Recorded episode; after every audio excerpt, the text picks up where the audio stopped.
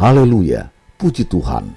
Akhirnya tinggal hitungan hari lagi kita akan segera menyelesaikan program pembacaan Alkitab audio setahun, yaitu selama 365 hari, suatu pembacaan yang disesuaikan dengan jadwal rencana baca dari Back to the Bible Chronological Reading Bible. Tetap semangat untuk terus mendengarkan firman-Nya. Tuhan Yesus memberkati. Inilah mendengarkan firman Tuhan. Hari ke-343 Roma pasal 8 Demikianlah sekarang tidak ada penghukuman bagi mereka yang ada di dalam Kristus Yesus. Roh yang memberi hidup telah memerdekakan kamu dalam Kristus dari hukum dosa dan hukum maut. Sebab apa yang tidak mungkin dilakukan hukum Taurat karena tak berdaya oleh daging telah dilakukan oleh Allah. Dengan jalan mengutus anaknya sendiri dalam daging yang serupa dengan daging yang dikuasai dosa karena dosa. Ia telah menjatuhkan hukuman atas dosa di dalam daging, supaya tuntutan hukum Taurat digenapi di dalam kita yang tidak hidup menurut daging, tetapi menurut roh.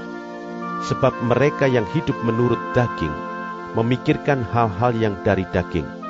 Mereka yang hidup menurut roh memikirkan hal-hal yang dari roh karena keinginan daging adalah maut, tetapi keinginan roh adalah hidup dan damai sejahtera.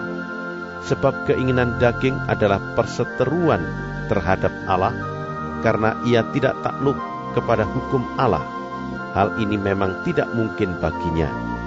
Mereka yang hidup dalam daging tidak mungkin berkenan kepada Allah.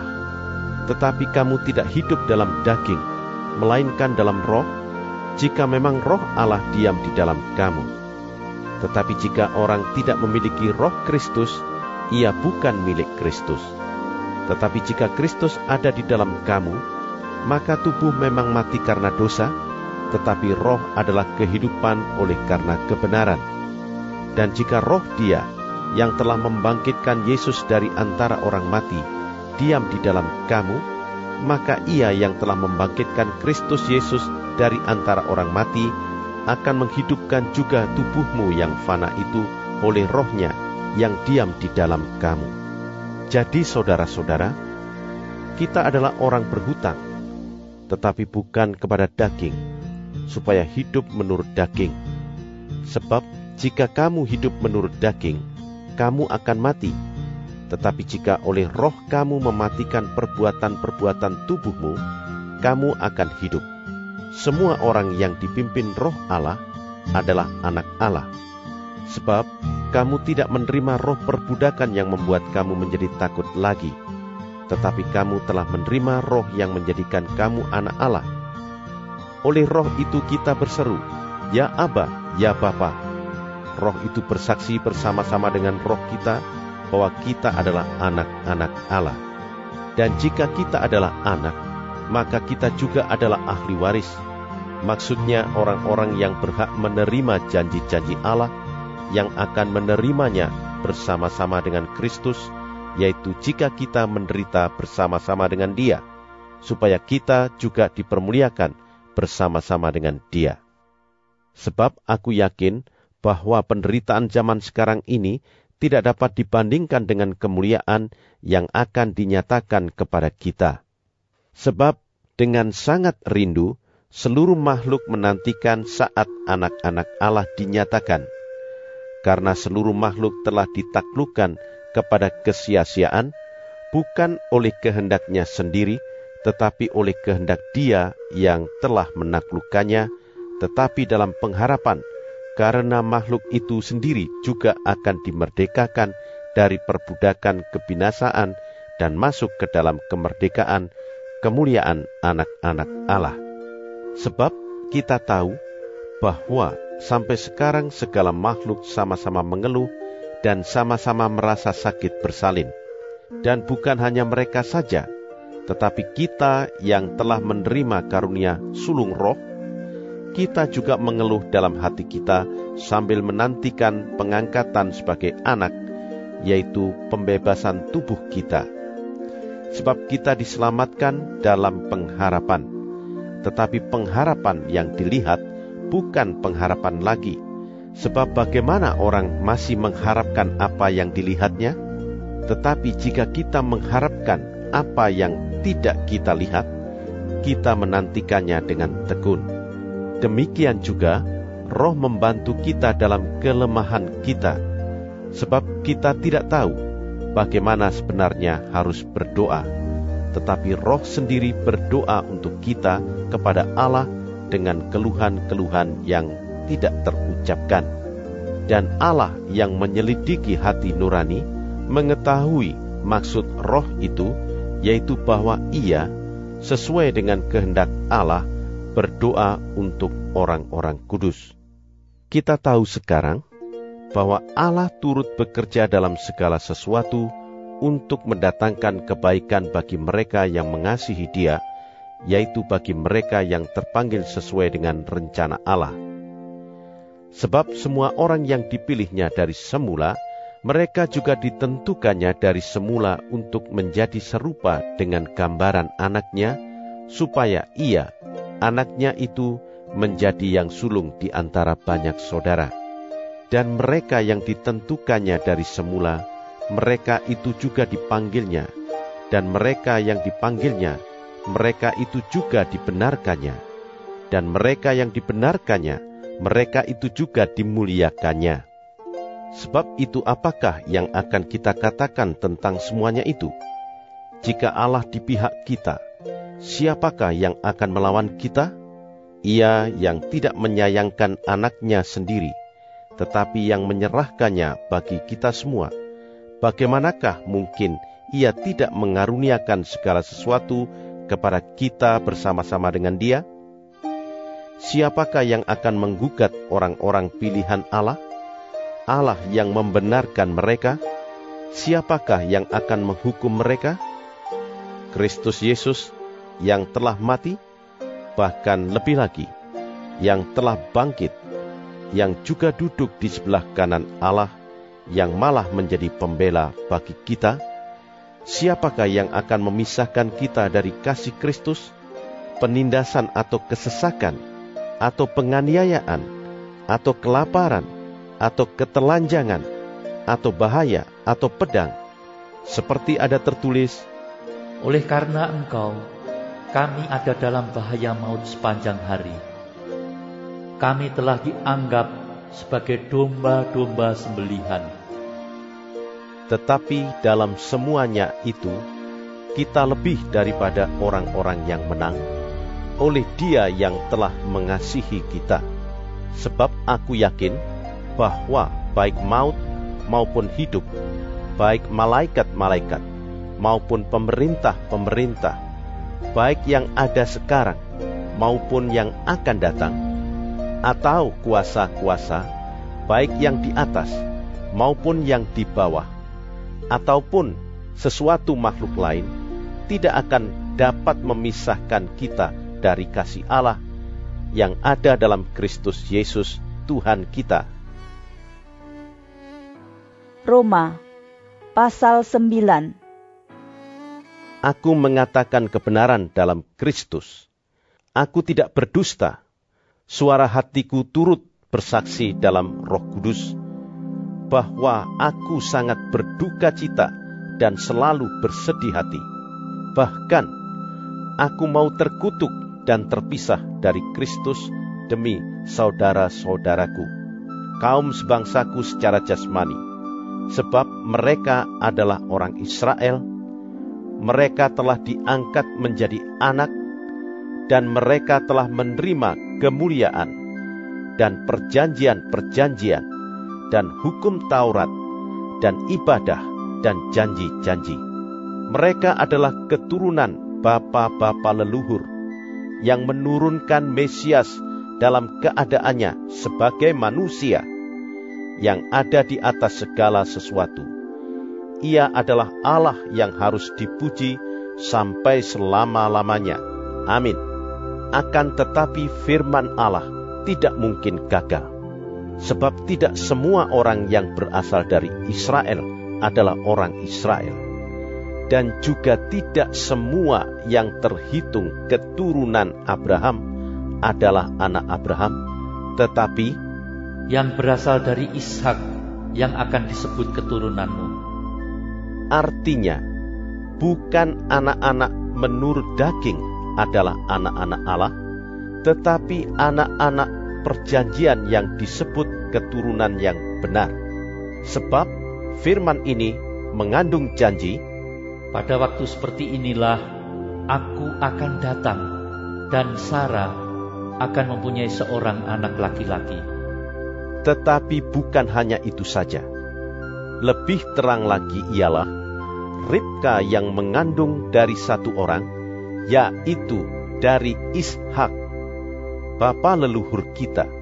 Sebab waktu anak-anak itu belum dilahirkan dan belum melakukan yang baik atau yang jahat, supaya rencana Allah tentang pemilihannya diteguhkan, bukan berdasarkan perbuatan, tetapi berdasarkan panggilannya.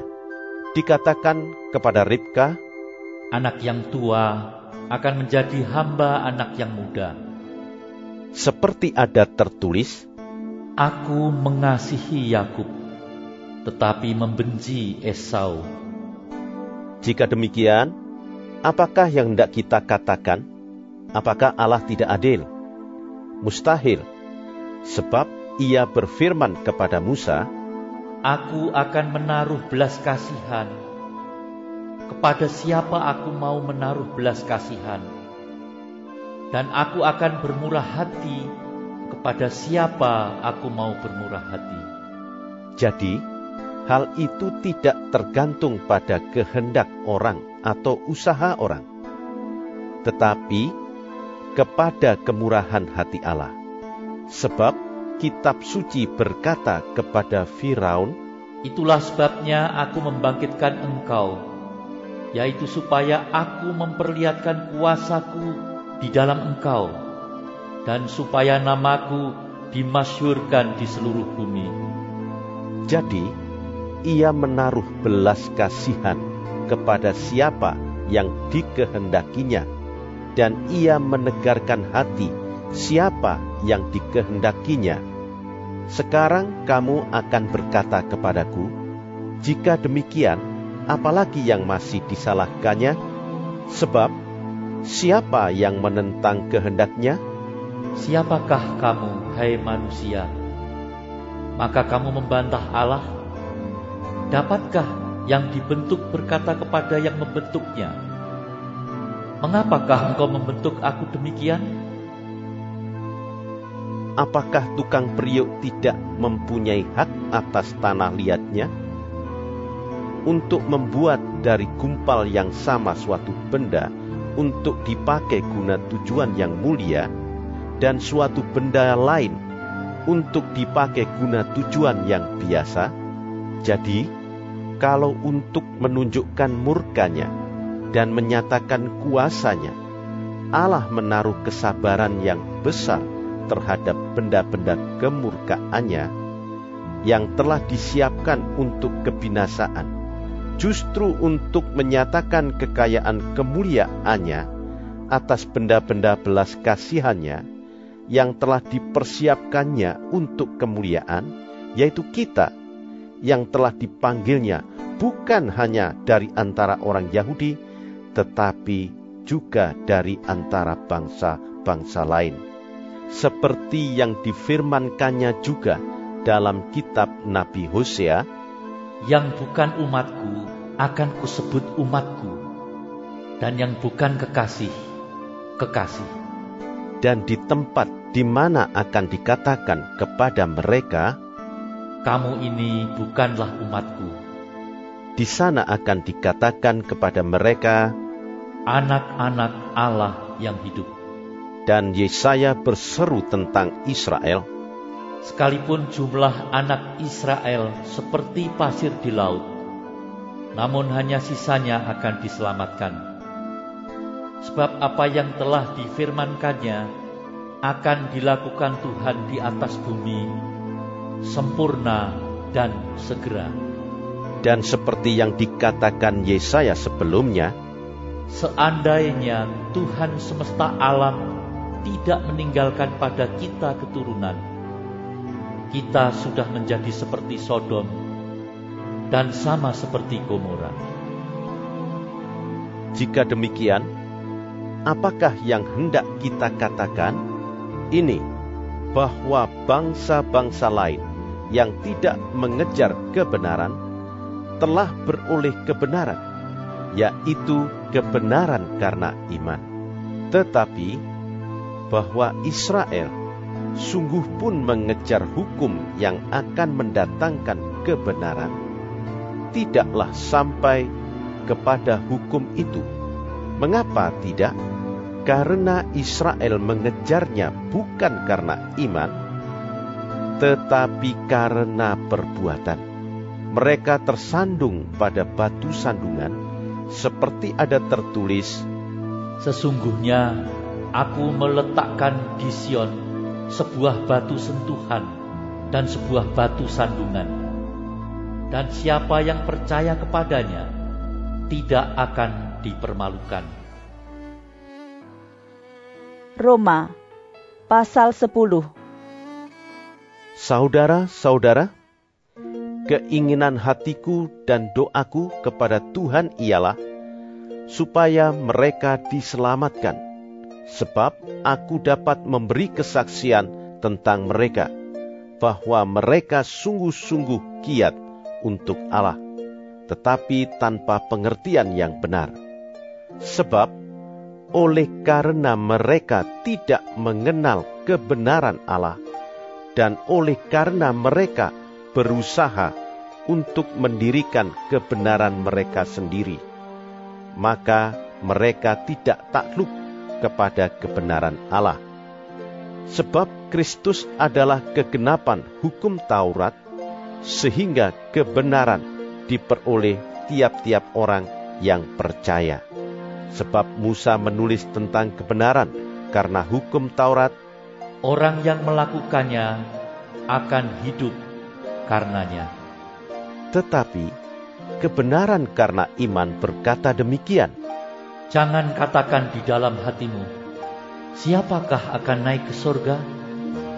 Yaitu untuk membawa Yesus turun.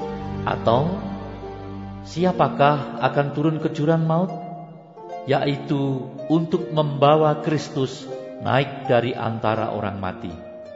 Tetapi apakah katanya? Ini Firman itu dekat kepadamu, yakni di dalam mulutmu dan di dalam hatimu. itulah firman iman yang kami beritakan.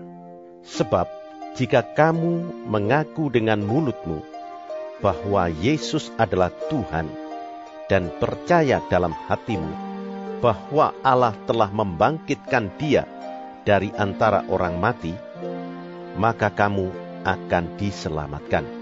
Karena dengan hati orang percaya dan dibenarkan, dan dengan mulut orang mengaku dan diselamatkan. Karena kitab suci berkata, Barang siapa yang percaya kepada Dia tidak akan dipermalukan. sebab tidak ada perbedaan antara orang Yahudi dan orang Yunani. Karena Allah yang satu itu adalah Tuhan dari semua orang, kaya bagi semua orang yang berseru kepadanya. Sebab Barang siapa yang berseru kepada nama Tuhan akan diselamatkan.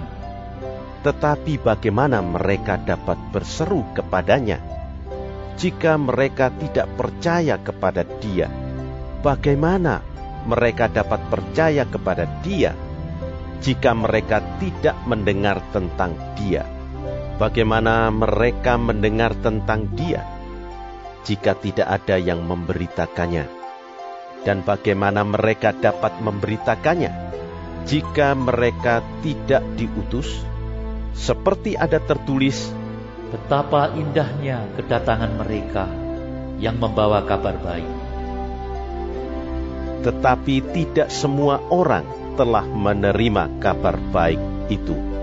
Yesaya sendiri berkata, Tuhan, siapakah yang percaya kepada pemberitaan kami? Jadi, iman timbul dari pendengaran, dan pendengaran oleh firman Kristus.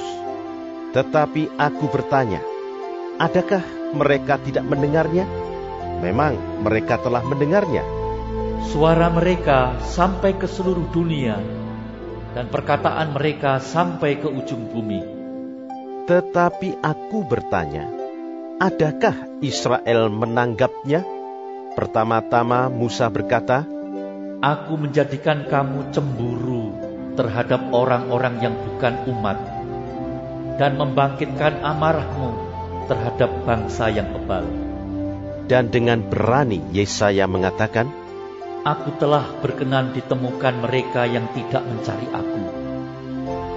Aku telah menampakkan diri kepada mereka yang tidak menanyakan aku. Tetapi tentang Israel, ia berkata, Sepanjang hari aku telah mengulurkan tanganku kepada bangsa yang tidak taat dan yang membantah. Tetap semangat untuk terus mendengarkan firman-Nya. Tinggal beberapa waktu lagi kita akan segera menyelesaikannya. Sampai jumpa esok hari. Tuhan Yesus memberkati.